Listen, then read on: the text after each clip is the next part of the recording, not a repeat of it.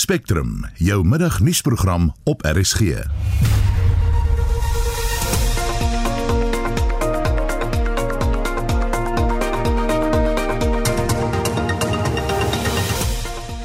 die program die ANC vorm 'n verdedigingslinie om president Cyril Ramaphosa.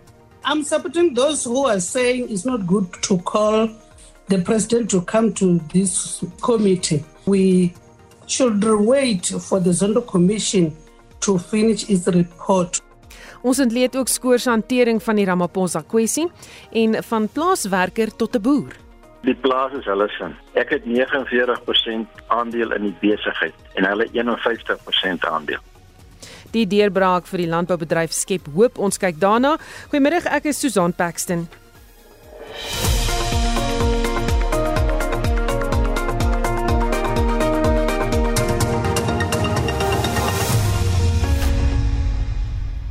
Dis nou 5 minute oor 12. Die staande komitee oor openbare rekeninge gaan aanstaande Woensdag vergader om verdere stappe te oorweeg teen president Cyril Ramaphosa. ANC-lede in Skoor het gister hulle meerderheidsstem ingespan om te verhoed dat die president voor die komitee verskyn oor 'n uitgelekte stemopname. Die EFF, ATM en die DA is nie tevrede hiermee nie, berig Justin Kennerly. Die DA se L Lees sê Ramaphosa se uitlatings in die opname beteken elke ANC NK lid weet dat geld dikwels uit staatsbronne gebruik word vir partyveldtogte. But it's quite clear that to me in any event that there is a personal knowledge here. Each one of us knows that quite a bit of money. And so, Mr. Chairman, it is disappointing that the president has not addressed in any way that particular aspect. And whilst I've already said that the direction towards the SAA I think is very useful and is one that we need to look at, it would appear to be some form of obfuscation and directing us away from the main issue. Coming to the conclusion that we should ask President Ramaphosa to come and talk to us and answer some direct questions from us. Die EFF komiteelid Veronica Mente sê president Ramaphosa se skriftelike reaksie dryf die spot met skoor. Sy sê hy moet tot verantwoording geroep word en as hy weier, moet hy gedagvaar word. So, in all fairness and the procedures that were followed, we wrote the letter like we always do in SCOPA that when we get information of this nature, we follow this certain procedure and we're very patient with it. But when it gets to a point where you just get mocked by the very same person who started opening their mouth and saying things that they know are not supposed to be said, then it becomes our business. So, Chair, I'm going to concur with my colleagues. The president must be called. No, not summoned this time. No, the summoning is another level. Called to the committee to explain. Upon which if he refuses, then we summon him. Tandiso Magao van die African Transformation Movement sê die president se geskrewe antwoord is glad nie oortuigend nie. Because if you look at 8.6 to 8.10, he started by saying, I have no information, which means that uPresident Ange asiphendule questions as critical ebesembuza zona. Broadly, the President indicated two areas where money came from. But in his response, he went into considerable detail dealing with one, namely the various submissions by various officials as regard alleged misuse of estate funds from state security agents only. There was no equivalent explanation for the misuse of funds from the rest of government departments. A chairperson, why would he say in the leaked audio, let's not kid ourselves when he was talking about everyone being on the know about misuse and now claim not to be knowing anything? Was he lying then or he is lying now? I fully concur with colleagues that the best approach is to call the president so that we can interact with him directly. Die ANC skoorlid Lorraine Lubengo het redes gegee waarom die president nie voor die komitee moet verskyn nie. Die EFF semente het dit verwerp. I'm supporting those who are saying it's not good to call the president to come to this committee. Reason being that we should wait for the Zondo Commission to finish its report, then we'll take it from there. I thank you, Chairperson. Chair, we didn't write a letter to the president because there is a Zondo report. We all knew there is a Zondo report and we all know the content of the Zondo report. A Zondo report outcome is something else. We did not write a letter to the president to say he must explain to us the Zondo report. Die ANC-lede in Skoor het 'n meerderheidsstem, 6 teenoor 4, gebruik om Ramaphosa te beskerm. Die skoorvoorsitter, Mkhuleko Grengwa, het die stemproses gelei. The question, therefore, is not agreed to. The committee majority has resolved that the president will not be invited to appear before the committee to answer on the allegations of political misuse of funds for political party is and on the basis of the audio recording and on the responses that he has provided. So that dispenses with that question. Die president het gister by 'n media-konferensie na sy repliek op die staatsrede debatte gesê dat hy bereid is om voor die komitee te verskyn. Hierdie verslag van ons parlementêre korrespondent Mercedes Besent. Ek is Justin Kennedy vir SI Garnis. Om skoorshantering van die Ramaphosa kwessie te bespreek, verwelkom ons nou die politieke kommentator Dr Pieter Mulder wat jare lank ook as 'n parlementslid gedien het. Goeiemôre Pieter. Goeiemôre Susan. Wat baat dit as skoor 'n kwessie teen 'n ANC-leier ondersoek, maar die ANC kan met sy meerderheid in die komitee die uitkoms bepaal? Wel, dis is 'n komitee werk en die opsig dat by alle komitees het die ANC 'n meerderheid. Wat wel interessant is van hierdie komitee en dis die tradisie nog altyd dat die komitee wat na staatsfinansies moet kyk, moet iemand van die oppositie uiteindelik as 'n uh, voorsitter so meer Sengwa as van die IFP, dit gee hom sekere magte om beslissings te kan maak uh, en so meer om verleentheid self vir die regering kan veroorsaak, maar dit is waar dat hulle hom beskerm met basies met hulle meerderheid. Is dit normale gebruik dat iemand teen wie daar 'n beskuldiging gemaak word, eers deur skoor gevra word om 'n skriftelike voorlegging te maak? Wel dit is 'n manier eers vrywillig kyk hulle het die mag om te kan dagvaar, hulle kan die president dagvaar, dan moet hy verkyn. Hulle kan hom versoek om te kom, hulle kan hom vra om 'n brief te skryf. So dis kyk maar net verskillende metodes om hom te kry. Maak dit saggies en bring hom 1 2 3 in as om direk te dagvaar wat eintlik 'n verhandige soort van reaksie is, ja. Aanvaar hy Ramaphosa se verduideliking dat hy nie oor besonderhede van die misbruik van staatshulpbronne vir ANC leierskapsveldtog te beskik nie, ten spyte van sy stelling hieroor in die ANC se NK vergadering. Wel ja, die baie interessante is kom ek sê wat hier basies gebeur as ek aan my opsomming gee, is hier 'n storie wat op twee vlakke verskyn. Die amptelike storie is dat 'n ANC parlementslid, Mervin Dix, Dirks, sy plig as parlementslid nakom. Hy vra die parlementse komitee wat na staatsfinansies moet toesig hou om ondersoek in te stel na die misbruik van staatsgeld en hy vra die president moet gedagvaar word te verskyn. Dit klink alles baie edel en korrek. Die tweede werklike storie agter die skerms is dat jy hier in die modder van die ANC faksiegevegte ingaan met die oog op die ANC presidentsverkiesing einde van jaar. Nee, Dirks is 'n ANC parlementslid wat sterk anti-meneer Ramaphosa is en baie sterk pro-Zuma is. Hy stel dit my betref nie werklik belang om staatsgeld misbruik is of nie. Hy wil vir Ramaphosa 'n verleentheid maak deur hom vir die komitee te kry om so te benadeel met die oog op die einde van die jaar. En dit is eintlik jammer dat die komitee nou misbruik word vir hierdie soort van interne ANC geveg. Dit is 'n baie ernstige saak as jy staatsgeld gebruik vir plaaslike goed, maar ek kry die indruk die ANC skop vir die kant en op die oomblik en daarom beskerm die president. Behoorskoor te wag vir bewyse daaroor in die laaste deel van die Zondo-kommissie se verslag oor staatskaping soos wat Ramaphosa voorgestel het. Wel, skoor hoef te wag daarvoor. Nee, hy kan dadelik die president dagvaar, die president kan voor hom verskyn. Ek dink die ANC se strategie is Ramaphosa wil nie self die ontellings maak. Nou, wat my betref gaan dit hier oor staatsveiligheidsgeld wat gebruik is om met eintlik mevrou Zondo se veldtog en die Zuma faksie te wel. Nie Ramaphosa se nie.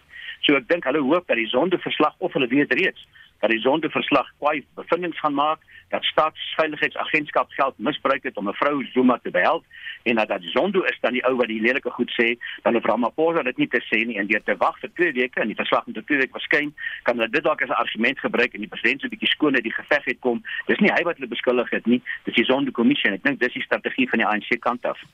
En jou reaksie op die oppositiepartye se aandrang dat Ramaphosa wel voor die kommissie moet verskyn Wel ek dink hy maak 'n fout in die opsig. Onthou, hy werk vreeslik hard aan om 'n beeld te skep van hy se anti-korrupsie.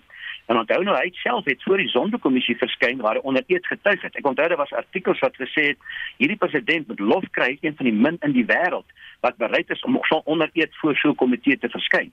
Nou nou skielik deur nie te verskyn nie. Nou goed, hy sê hy, hy is bereid as die komitee wat hom beskerm maar dink wat opdrag gehad, plaas hy tog 'n vraagteken dat daar iets is om weg te steek en tegnies is die ANC verduideliking dis net 'n uitstel. So hy gaan moeilik kan wegkom oor 2 weke as die verslag verskyn, dan kan hy nie meer sê nie, dan sal hy wel moet verskyn en hooplik die ding aantaar. Ek dink hy hoop Zondo wil die vuil werk doen dat hy nie in die modder hoef in te gaan nie. Baie dankie, dit was die politieke kommentator en oud LP Dr Pieter Mulder. President Cyril Ramaphosa hou sy kaarte styf teen sy bors oor of hy van die minister van polisie Bekkie Cele en die nasionale kommissaris Kegla Sitole ontslaag gaan raak. Dit ten spyte van die twee se openlike vyhandigheid teens mekaar en 'n kundigheidspaneel se verdoemende bevindinge oor hul hantering van Julie 2021 onluste. Die polisie ja, polisie 'n polisieeringskenner daar sê, groot woord polisieeringskenner, advokaat Lennet Max, afgetrede generaal, sluit nou by ons aan hier oor. Goeiemôre Lennet. Uh, Goeiemôre Susan. Hoe word daaglikse polisieering in 'n uh, gewelddadige land soos ons sin deur hierdie bakleierery tussen Kele en Sitole beïnvloed? Baie nadelig volgens my. Ehm uh, jy weet in die polisie die hiërargie het 'n groot impak op jou uh, mense op die grond. En wanneer daar hierdie konflik is, uh, jy weet ook in die polisie soos ons gesien het in die struktuur self, uh die interne bakleierery wat plaasgevind het, sowel as die, die uh verhouding slegte verhouding met die minister veroorsaak dat uh, lede weet uh, uh twyfel in dit wat hulle doen. Hulle glo nie in hulle leierskap nie. En dan is dit ook so dat senior lede in die polisie senior offisiere dan ook in 'n mate kan kies. En dit benadeel hulle fokus op wat werklik nodig is. En dit is om die land te dien onpartydig en uh, met uh, te voldoen aan die grondwet van Suid-Afrika. Het die president uh, ook vir Kelle in gedagte gehad toe hy gister in die repliek op die staatsrede debat gesê het hy en die mense van die land het volle vertroue in die kabinetsministers?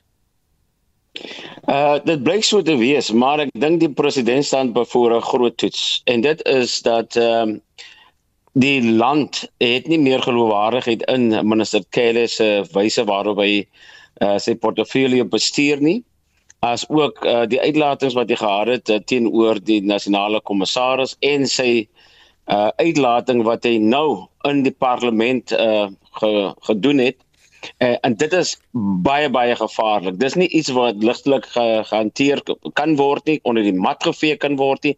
Dis nie iets wat die um, president kan ignoreer nie. Dit moet behoorlik ondersoek word en ek dink ek dis verby dat die president sê en ek glo hy's dalk ernstig dat hy hierdie aangeleentheid sal moet aanspreek en dit sal moet aangespreek word voldoende en ek dink dit is ons wense dat uh, beide van hierdie ehm um, persone wel verwyder moet word sodat ons nuwe bloed kan kry sodat daar nuwe fokus kan wees. Ek wil net sê dis makliker om 'n verkeerde te skryf van hyse politieke aanstelling. Uh hy is daar op die genade en die goedheid van die president en hy kan wel geskuif word na 'n ander portfolio toe of hy kan heeltemal met 'n kabinetskommeling uitgeskakel word. Maar dis nie so maklik om van Sitole vir ontslae te raak nie, want Sitole word beskerm in terme van wetgewing. In terme van artikel uh, wet 68 van 1995 die polisiewet is dit so dat Sitole wanneer daar uh vir uh, wantroue in Sitoli geplaas word soos wat ons nou kan aflei dat daar so 'n stap moontlik kan plaasvind. Is dit sodat die in terme van artikel 8 van die wet is dit sodat die president wel Sitoli kan op uh skors uh met voordele of andersins sonder voordele indien die president van oordeel is dat uh wat gedoen behoort te word onder omstandighede. En terselfdertyd word dan daar 'n kommissie van ondersoek aangestel uh, waarvan die voorsitter 'n regter van die Hooggeregshof moet wees uh, met ander persone. En na aanleiding van daardie bevindinge en aanbevelings sal die president dan nou 'n besluit neem om wel van Sitoli ontslae te raak. Intussen hmm en in Sitoliese afwesigheid moet daar waarnemende uh persoon aangestel word om dan die polisie te bestuur uh wat ook nie baie goed is vir vir um 'n goeie polisieering nie. Sê vir my bespreek jy ook onenigheid in die breër sekuriteitsgroepering van ministers as jy die kundigheidspaneel se kritiek teen die ander ministers dan nou in ag neem? As ons as ons kyk na uh wat gebeur het in Julie 2021. Die verspreking van die ministers, jy weet die minister van intelligensie sowel as die minister van polisie, uh blyk dit so te wees dat hierdie mense in verskillende kampe is en as gevolg van hulle lojaliteit in ten opsigte van daardie groepe binne in hulle struktuur is dit so dat hulle ook dan verkeerde interpretasies gehad het van wat gedoen behoort te word of hoe ernstig die bedreiging uh, wel was en in in daardie gebrek aan uh samewerking is is baie nadelig vir ons land en ons mense verdien beter en beter kaliber van van ministers en mense wat uh, hulle taak uitvoer in terme van die grondwet en terme van die eed wat hulle afgelê het. Baie dankie. Dit was advokaat Lennet Max, 'n voormalige Wes-Kaapse polisiekommissaris en deesdae Vryheidsfront Plus raadslid in die stad Kaapstad.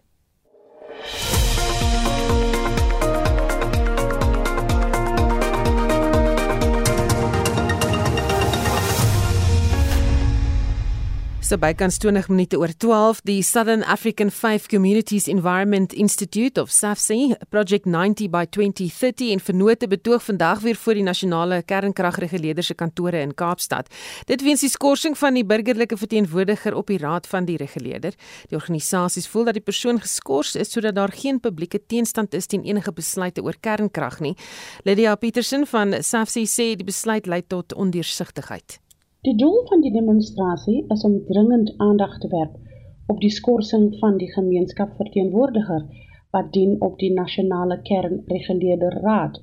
Ons voel dat die NNR nie deursigtigheid beoefen het waar talle belangrike besluite geneem was nie.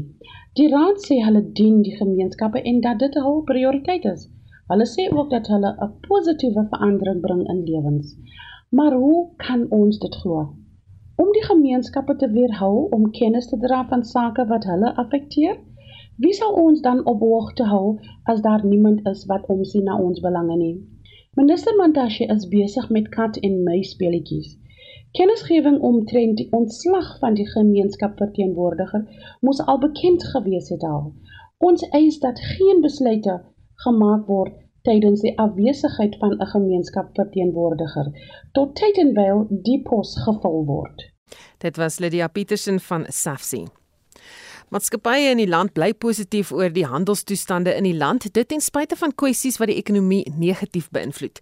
Dis volgens die Suid-Afrikaanse Kamer van Koophandel en Nywerheid se jongste handelstoestande indeks wat bekend gemaak is.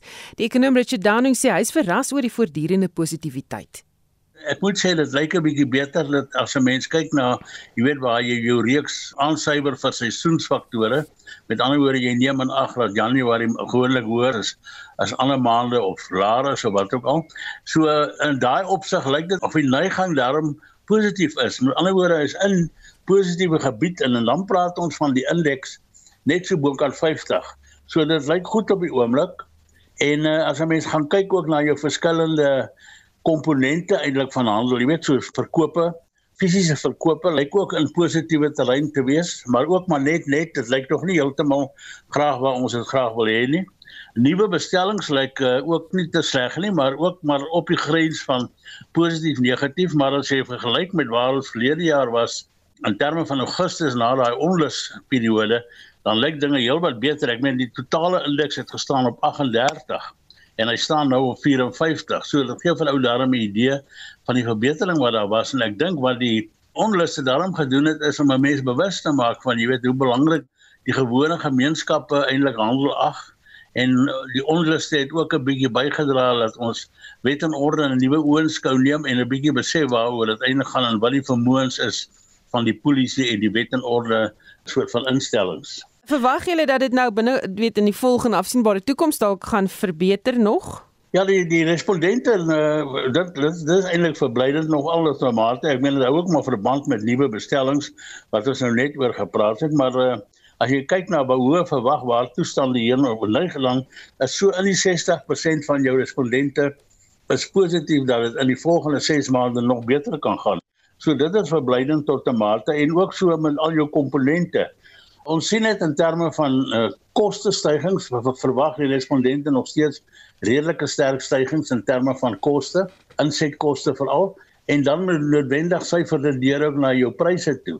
So daar is nog al die tyd 'n bietjie inflasie verwagtinge onderliggend in die handelsomgewing en dit kan moontlik lei tot dat mense later maar weer die reservebank sien 'n bietjie aandag gee aan rentekoerse in 'n opwaartse rigting om juis hierdie inflasie verwagtinge 'n bietjie te temper.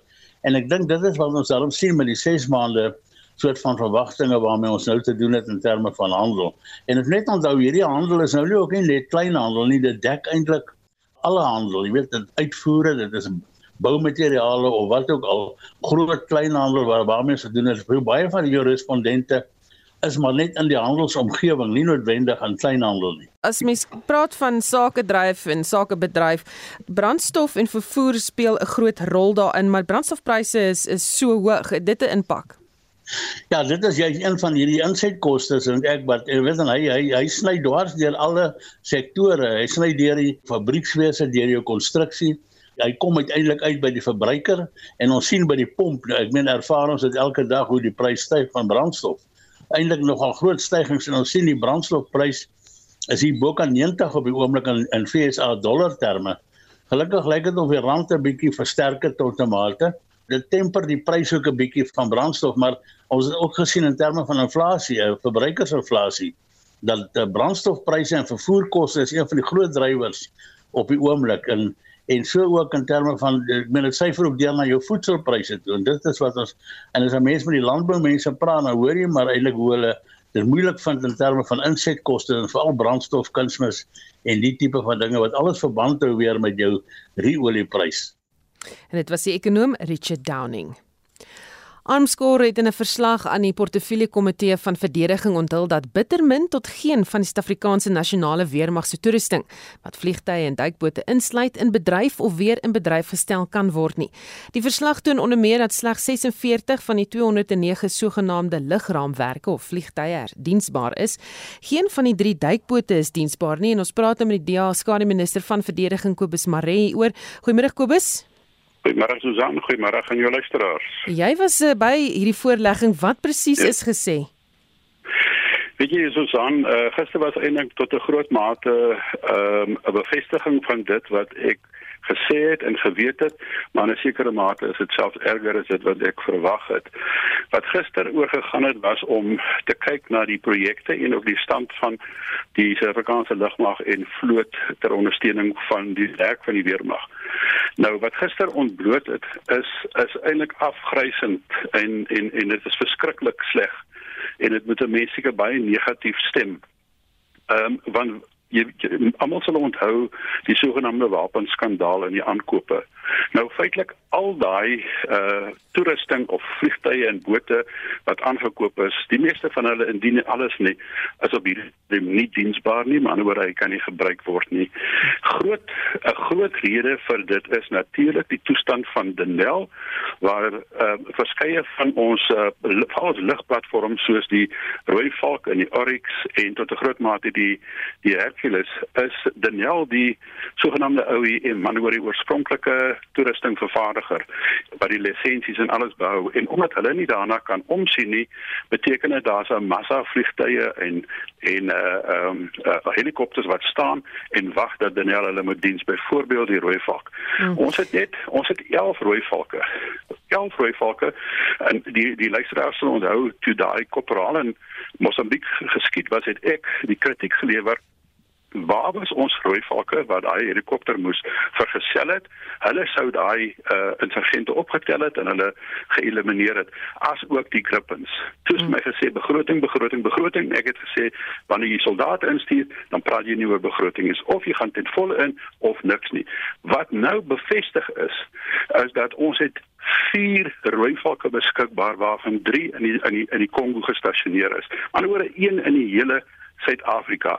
Van ons 26 vierde generasie Gripen vegvliegtuie het ons zero beskikbaar. Almal van hulle is op die grond. Van ons Pilatus Switserse vliegtuie vir die opleiding van ons vlieëniers by by lugmagbasis Langebaan het ons 3 beskikbaar. Anderswoorde geen opleiding kan gedoen word nie. In slegs 3 van die Hawk vliegtuie wat hulle by Brittanje gekoop het en natuurlik net een van ons vergatte van die drie vergatte wat hulle gekoop het en geen ehm uh, um, duikbote is beskikbaar nie. Vertel my 'n bietjie van projek Hoefyster. Projek Hoefyster, ja, almal ken die ratel wat die ou Suid-Afrikaanse weermag ontwikkel en gebou het deur Daniel of dat hulle was daai stadium deel van Krygkor gewees, die groter Krygkor en ehm um, die uh, projek Hoefyster is veronderstel om 'n nuwe produk te bring om die ratel te vervang. Hy word die Badger genoem. Nou die basis van hy van hy van hy voertuig, dis 'n dis 'n sogenaamde IPV, Infantry Fighting Vehicle IF IFV. Ehm um, en en hy is veronderstel om die ratel te vervang en dit is 'n opgradering. Maar dis 'n dis 'n dis 'n 'n Sweedse basis wat hulle gebruik anders as wat hulle 'n Suid-Afrikaanse basis moet gebruik het. Daai projek is al 10 jaar vertraag omtrent 7 miljard rand is al betaal uh terwyl die totale projek se waarde om en by 16 miljard rand is. Nou op hierdie stadium het Denel nie die kapasiteit en hulle erken dit hulle nie die kapasiteit om hom te klaar te maak nie, selfs in eers fase 1 van hom klaar te maak nie. En tweedens sê die weermag het nie die geld om die 16 miljard rand te, te betaal nie, want nasionale nasionale tesorie maak nie fondse beskikbaar nie. So jy sit in 'n in 'n in 'n 'n bitter onbenadigbare posisie waar ons nie uh uh die daai batcher produk in die projek hoefyster eintlik kan bekostig nie.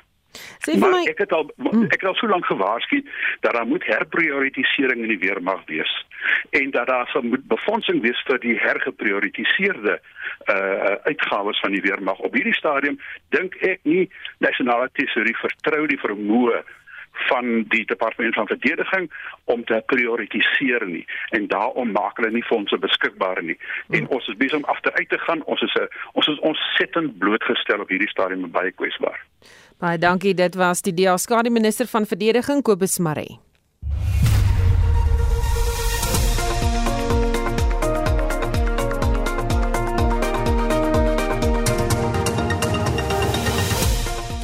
Later in Spectrum slegs boere mag die R30 pad naby Botawil gebruik na herstelwerk begin het. As hulle fisies graan op 'n sleepwa of op 'n vragmotor het, mag hulle na Elarichilo toe ry, maar al die ander verkeer word uh, gekeer. 'n Pleidooi om nie die brandstofheffings te verhoog nie en herstelwerk aan die Charlotte Mackay Hospitaal in Johannesburg sal na rabing eers volgende jaar voltooi wees. Die en ander stories net hierna.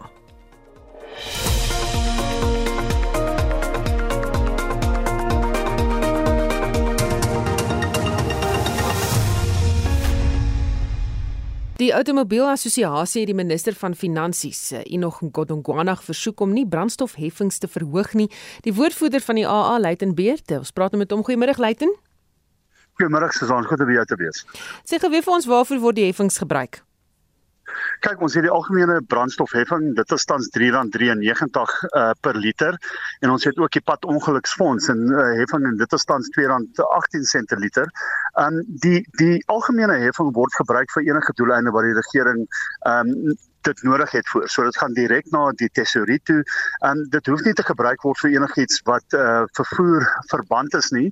Dit kan gebruik word vir klinieke of wat ook al. Ons sê nie ons wil daai heffings um weg hê nie. Uh, ek dink nie jy kan daai daai heffings skrap nie. Dit bring uh biljoene rande vir die regering elke jaar en, en dit is een van die grootste heffings wat die um wat die regering het. So hulle gaan nie enigstens daai heffing wegneem nie. Ons vra net kom ons sit nie hierdie heffings weer op nie. Elke jaar kondig die minister van finansies aan dat hulle hierdie heffing met so om en by inflasie gaan verhoog en ons vra elke jaar moet dit nie verhoog nie want dit benadeel net die armstes in ons land. So ons sê moet daai heffings nie vermeerder hierdie jaar nie hou hulle soos hulle nou is. Ten opsigte van die van die pad ongeluksfonds, ehm um, die pad ongeluksfonds is 'n instansie wat baie sleg uh, bestuur word en um, daar is dringende ehm um, intervensie wat daar nodig is en jy weet ons vra hoekom betaal ons R2.18 uh, op op elke liter brandstof wat ons betaal vir 'n instansie wat so sleg um, bestuur word. Daar vir ons is baie indringende um, werk nodig om daai instansie te verbeter. Baie dankie. Dit was die woordvoerder van die Outomobielassosiasie, Luiten Beet. Die minister van Finansies lewer volgende Woensdag sy eerste nasionale begrotingstoespraak.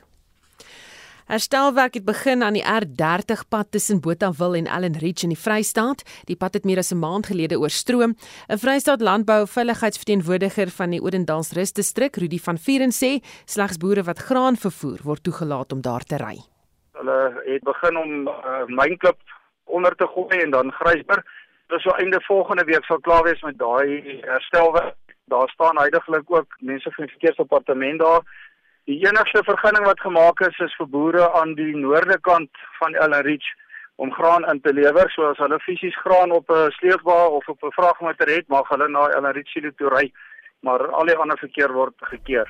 Is daar enige alternatiewe roetes dan vir mense wat daardie pad moet gebruik? Net voor daai gedeelte waar die water nou oor die pad is, is daar 'n afdraai links van die noordekant af op die S86. So daai grondpad word tans gebruik.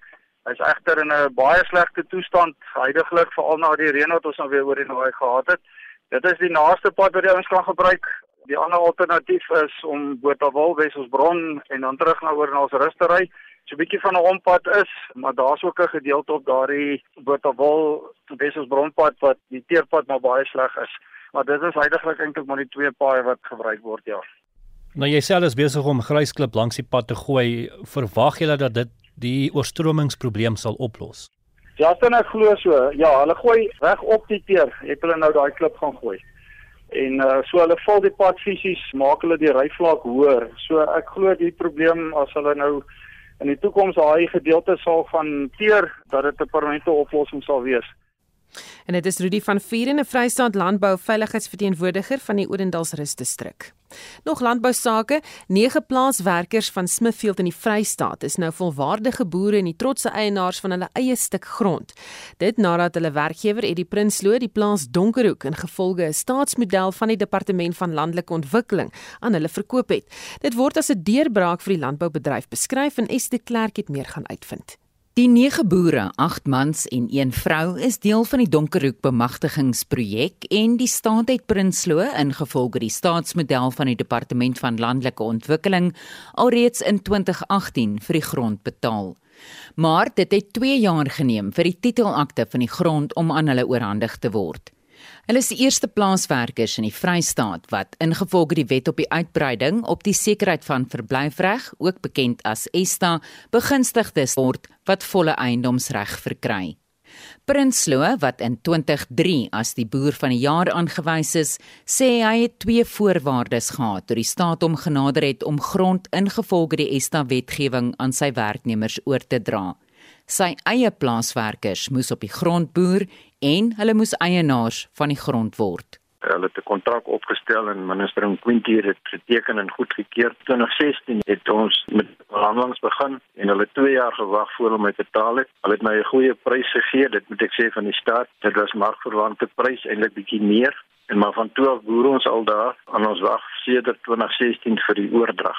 En die 24 Januarie het Rural Development by gebel van Bloemfontein en gesê die oordrag is deur is geregistreer en so daar is ons nou. Die uitvoerende direkteur van Agri SA, Christo van der Rede, sê die staatsmodel van die Departement van Landelike Ontwikkeling is 'n deurbraak in die landboubedryf. As ons kyk na die vorige modelle, het die staat die grond natuurlik besit en het die staat eintlik geweier om die grond oor te dra in die naam van die nuwe eienaars. En dit het 'n wesenlike probleem geskep en dit skep nog steeds 'n baie groot probleem. Die bestaande model omdat dit uh, jy weet die grond in die staat se hande hou, maak dit dit baie moeilik vir die nuwe eienaars om dan die grond as sekuriteit aan te bied by 'n bank uh, om dan 'n produksielening of 'n infrastruktuurlening of watter ook 'n lening te bekom. Juis hieroor sê van 'n rede is die Donkerhoek plaas eienaarsgroep se situasie so uniek. En ek dink hierdie nuutste neiging is nog nie in enige regulasie vervat of in enige bestaande wetgewing vervat nie. Feit dat die staat ja, die, die titelakte in die naam van die beginsels oorgedra het, is tekenend van wat die president wil vermag. Prinsloo sê die werkers besit 51% van die aandele in die boerdery op Donkerhoek van 1500 hektaar en Prinsloo 49%. Die plaas is hulle sin. Ek het 49% aandeel in die besigheid en hulle 51% aandeel. Ek het nie eienaarskap van die grond, die werkers, dis hulle grond. Ons boere in 'n joint venture saam wat ons goed opgestel het. Ek het op die stadium al die kostes gedra van 2016 af, soos Eskom, lek, my voertuie, my implemente, my skeergruwe, my veilinggeriewe als het ek beskikbaar gestel vir hulle en natuurlik my kennis. Hulle het my ook aangestel as 'n mentor die staat om hulle te help. Die voordeel van eienaarskap is dat die nuwe boere nou self kan aansoek doen vir lenings by banke, sê Prinsloo. So nou kan ons gaan ons moet implemente kry, met trekkers sleepwaens, voertuie kry. So ons hoop nou maar van die beste dat die dinge nou na ons kant toe kom. Hy sê die regering moet vir boere die inisiatief gee om landbougrond wat in die mark is te identifiseer sodat hulle hulle eie plaaswerkers op daardie grond kan vestig omdat hulle die beste boere is. Hulle moet net bietjie gehelp word met die finansiering en die bestuur, maar hulle kan boer. Meeste van ons werkers op plaas, ek praat van die Suid-Vrystaat, ek kan nie van ander dele praat nie, is goeie veeboere en hulle moet die ou landboukredietbank moet hulle weer werking stel dat ons vir die mense teen 'n lae rentekoers van 2 en 3% kan gee om die vee te koop en die staat nou self om die grond te bekom. Ek dink dit is die beste manier om bemagtiging te doen en om swart boere te vestig. Van 'n rede sê Prinsloo en die nuwe Donkerhoek boere kan as die perfekte voorbeeld beskou word van hoe landbou suksesvol in die land bevorder kan word. Ek is Estie de Klerk vir SAK nuus. 'n Werklose familie van 5 in Nobumba by Tepedi in die Oos-Kaap het hulle koppe en geld bymekaar gesit om toenemende werkloosheid in hulle gemeenskap teen te werk. Hulle het hul maatskaplike toelaas van R350 gebruik om 'n pluimvee onderneming te begin. Winsim of King het meer. Om entrepreneurs te word was al enigste manier om armoede hok te slaan. Hulle onderneming doen goed en hulle verkoop ongeveer 200 hoenders 'n maand. Nou wil hulle die onderneming uitbrei en geleenthede aan ander jong mense in die omgewing bied. Pumlisa Ngabasa is 'n lid van die onderneming en sê enige vorm van ondersteuning is welkom. Our plan is to grow this project. So anybody who is watching this video, you want help he or she can put something so that we can decrease crime and violence in our area. Die provinsiale regering het homself daartoe verbind om jeuglandbou-inisiatiewe te ondersteun. Die woordvoerder vir die departement van landbouhervorming, Mvusiwekaya Sikwecha, sê hulle belê sedert verlede jaar in die inisiatief.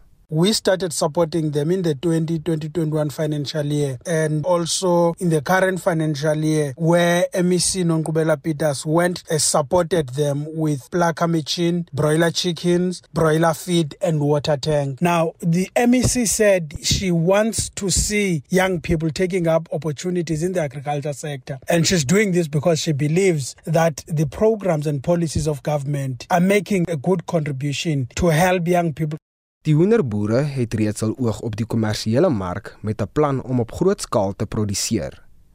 Die verslag van Xolani Sichinga in Pedi in die Oos-Kaap. Ek is Vincent Mufokeng vir SAI Garnis. Dit is reeds 10 maande sedert 'n brand in April verlede jaar by die Charlotte Mackay Hospitaal in Johannesburg uitgebreek het.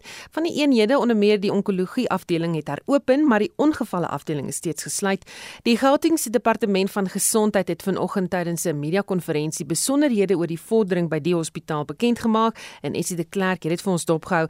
Essie, het die departement gesê wanneer die projek afgehandel sal wees?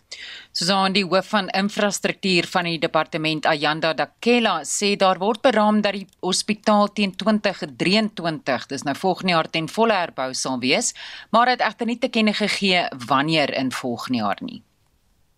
Daar was egter groot vertragings. Die departement het gesê die vertragings is veroorsaak omdat daar geen ooreenkoms bereik kan word tussen die departement van gesondheid en infrastruktuurontwikkeling nie.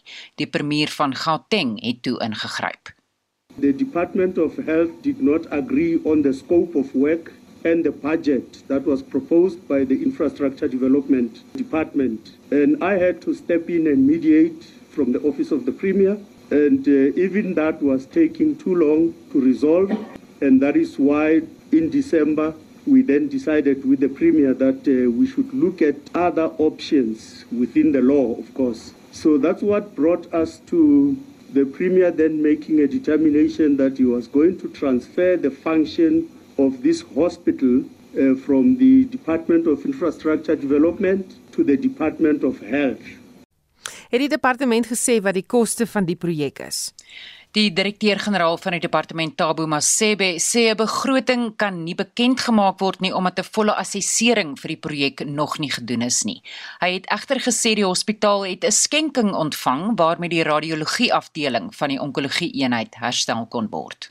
Mr. Takela is going to conduct a full assessment of course including the work that has already been uh, carried out and that assessment will enable him to determine what scope of work still needs to be done and how much money that would cost. So it will be probably be a lot more than the 68 million which was donated by the Solidarity Fund. And we really appreciate that donation because it has enabled us to fix some of the sections, including the radiation oncology building. Afdelings van die hospitaal wat erg geraak is is die ongevalle afdeling en die afdeling vir geestesgesondheid en die pasiënte word nou bedien deur die Helen Joseph Hospitaal in Johannesburg. En dit was Estie wat vir ons die media konferensie dopgehou het. Ons beweeg na die Hooggeregshof in Johannesburg waar die EFF-leier Julius Malema getuig in 'n haatspraak saak. Verrigting is oorheers deur kommentaar op Facebook blaaie wat aan Malema verbind word asook die beweerde intimidasie van Afriforum se regspan buite die hof deur EFF-lede. Malene Forsie volg die verrigtinge. Advokaat Mark Oppenheimer wat Afriforum in die saak verteenwoordig het, kommentaar wat op die blaaie gelewer is aan die hof voorgeles. Daar word onder meer gesê dat veral wit jong mense in Pretoria en die Vrystaat verbrand en vroue verkrag moet word. Malema hou vol hy weet nie regtig hoe Facebook werk nie en dat die blaaie waarop die kommentaar gelewer word vals is. What if these comments are written by Roots?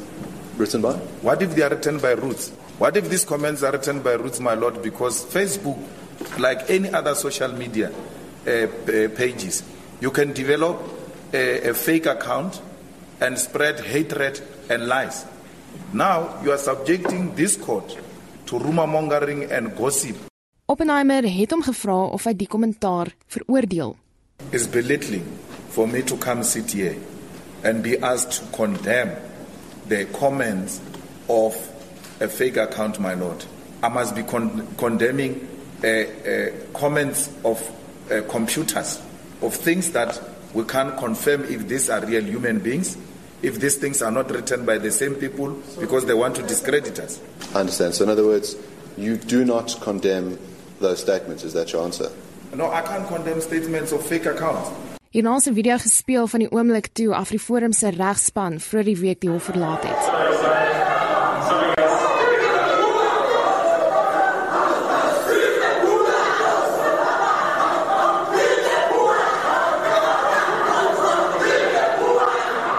Dis juist die liedjie wat tot die hofverrigtinge gelei het.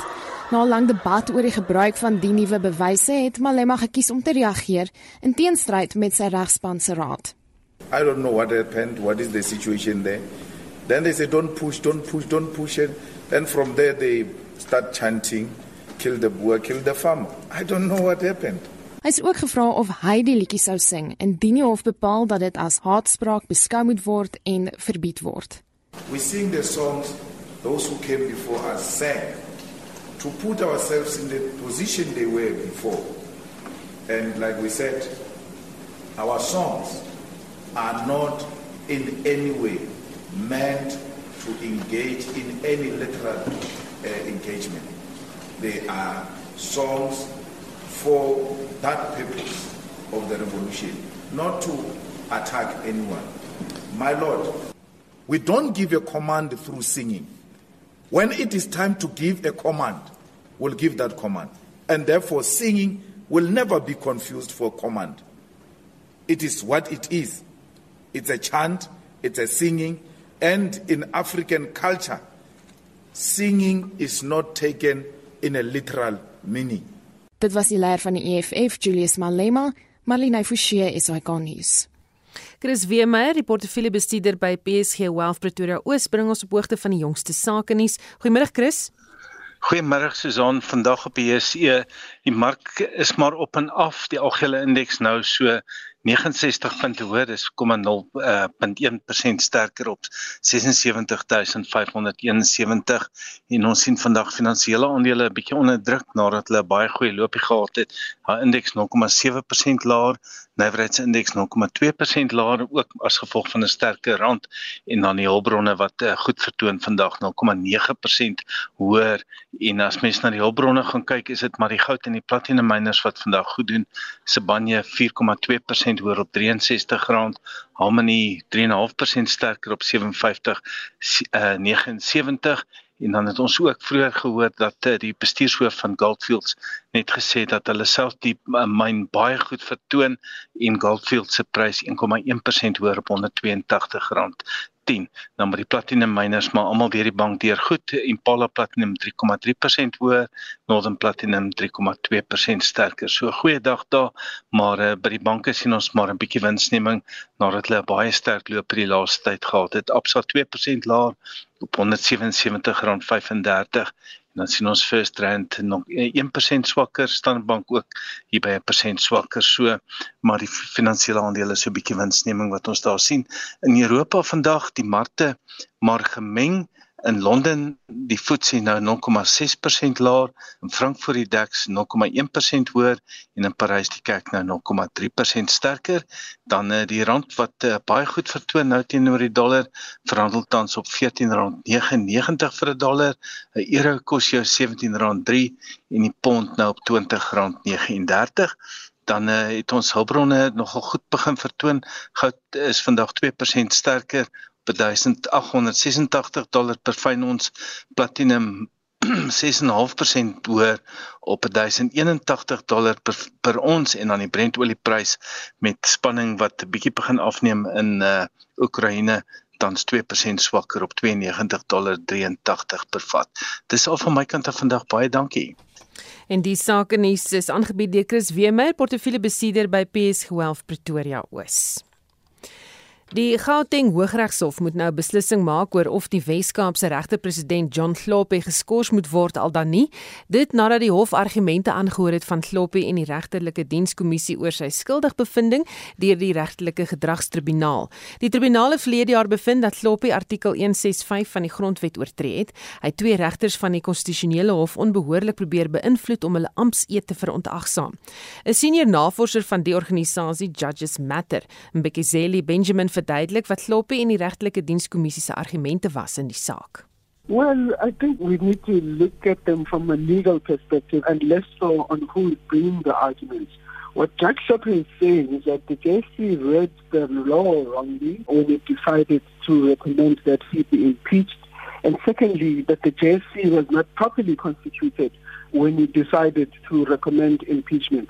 So he says there were two people in the room which was acting uh, Chief Justice Van Pepe and Justice Mba from the Supreme Court of Appeal. He says those two are not meant to be in the room because the Constitution does not create positions for them to be there. So when the decision was taken, they were not supposed to be there, and so the decision itself is incorrect. Of course, the JSC disputes this and says that the JSC read the law correctly and said that he tried to improperly influence the judges of the Constitutional Court, and in doing so, he violated the judicial independence, which is in terms of Section 165 of the Constitution. So it's a legal back and forth. Of course, they added the JC that is added that he is doing so for selfish reasons and trying to avoid accountability. Benjamin sê dit wil voorkom of die howe die saak nou wil afhandel. I think the bigger issue is that now it seems as if the courts are getting impatient because this case actually went to, came to court much quicker than ordinarily cases would. And so they're trying to move this case along as quickly as possible. So we might find that the appeals might be finished quite quickly. Benjamin sê na die hofproses is daar nog een stap wat gevolg moet word om die saak behoorlik af te sluit. So after the court processes are, are done, it will go to parliament and parliament now has to vote. They can either uphold the JSC decision and say Judge Shopping was guilty of misconduct and must be removed, or they can say, look, he was guilty of misconduct, but he shouldn't be removed. So that is the option that Parliament is facing right now. En dit was 'n senior navorser van die organisasie Judges Matter, Mbekizeli Benjamin. Ons gebruikelike opsomming van belangrike nuus uit ons program en stories wat nog aan die ontwikkel is word vandag deur Heinrich Weingart hanteer. Eers aan die beurt is twee politieke kwessies. Ons het reaksie gekry Susan by die politieke kommentator Dr Pieter Mulder oor die staande komitee oor openbare rekenings se hantering van 'n klag teen president Cyril Ramaphosa. Nou Mulder sê die komitee hoef nie vir die Zondo-verslag oor staatskaping te wag om op te tree nie. Ek dink die ANC se strategie is Ramaphosa wil nie self die onderhandelinge maak. Nou, wat my betref gaan dit hier oor staatsveiligheidsgeld wat gebruik is om met eintlik mevrou Zondo se veldtog en die Zuma faksie te wel. Nie Ramaphosa se nie. So ek dink hulle hoop dat die Zondo verslag baie bevindings gaan maak dat staatsveiligheidsagentskap geld misbruik het om mevrou Zuma te behelp en dat dat Zondo is dan die ou wat die lelike goed sê, dan hoef Ramaphosa dit nie te sê nie. En dan het ons ook die polisiekenner advokaat Lennon Max gevra vir sy mening oor wie van polisieminister Bekkie Cele of sy nasionale kommissaris Kesla Sitole aan die pad gesteek behoort te word. Dit behoort albei te wees glo Max. Ek dink die president staan voor 'n groot toets. En dit is dat die land het nie meer geloofwaardigheid in minister Cele se wyse waarop hy uh, sy portefeulje bestuur nie as ook uh, die uitlatings wat hy gehad het uh, teenoor die nasionale kommissaris en sy uitlating wat hy nou in die parlement gedoen het en dit is baie baie gevaarlik. Dis nie iets wat ligtelik ge gehanteer kan word nie, onder die mat gevee kan word nie. Dis nie iets wat die president kan ignoreer nie. Dit moet behoorlik ondersoek word maar Max wys daarop dat dit makliker vir Ramaphosa sal wees om van Cele ontslae te raak as van Sitole. Ek wil net sê dis makliker om 'n verteller te skryf van hyse politieke aanstelling. Hy is daar op die genade en die goedheid van die president en hy kan wel geskryf word na 'n ander portfolio toe of hy kan heeltemal met 'n kabinetsskommeling uitgeskakel word. Maar dis nie so maklik om van Sitole ontslae te raak nie, want Sitole word beskerm in terme van wetgewing. Intussen sê die vakbond Nahau geen van sy lede moet terugkeer werk toe by die parlement nie na die onlangse vernietigende brand daarson. Sy voorsitter Stembiso Tembe het gereageer op berigte dat 'n potensiële brandgevaar steeds in die gebou bestaan. The union is concerned about the reported uh, hotspots that have been detected by engineers on the basement of the National Assembly. We are concerned because uh, there are workers of parliament that are there in parliament. They might not be in the National Assembly, but there are other buildings that are linked to the National Assembly. For instance, the National Council of Provinces, Africa House, and um, you know Max Building. So we, we are saying up until such time that we know exactly what is going on, and there is no danger to the workers. Workers should not be forced to be at work in Parliament. Net wat ons doppel is die beplande ontmoeting vanaand om 6 namiddag van die Gautengse LER vir onderwys. Panjaza Lesofie met ouers van die hoërskool Jan Viljoen aan die Wesrand waar 'n rasse debakel uitgebreek het. En dan ook die hofsaak die eh, die oor haatspraak tussen Julius Malema leier van die EFF en Afriforum wat hier in Johannesburg plaasvind. Sowel as polisie minister Bekkie Cele wat môre om 12:00 na verwagting die jongste misdaadstatistieke bekend sal maak. Dit dek die periode 1 Oktober tot 31 31 Desember verlede jaar. En dit dan Heinrich Weingart met vandag se oorsig oor oorsig eerder oor hoogtepunte uit ons programme nuus wat nog aan die ontwikkel is. Net so voor ons groet, daar staan 'n voertuig op die N1 Noord net na Ellendale weg en dit kan die verkeer dalk ontwrig daar op die hoofpad. Onthou vorige uitsendings van Spectrum is beskikbaar op Potgooi gaan net na RC se webblad by www.rc.co.za. Ons groet namens ons uitvoerende regisseur Nicoline de Wee, die redakteur Justin Kennedy en ons produksieregisseur Johan Pieterse. Ek is Susan Paxton. Geniet jou middag in die geselskap van RSG.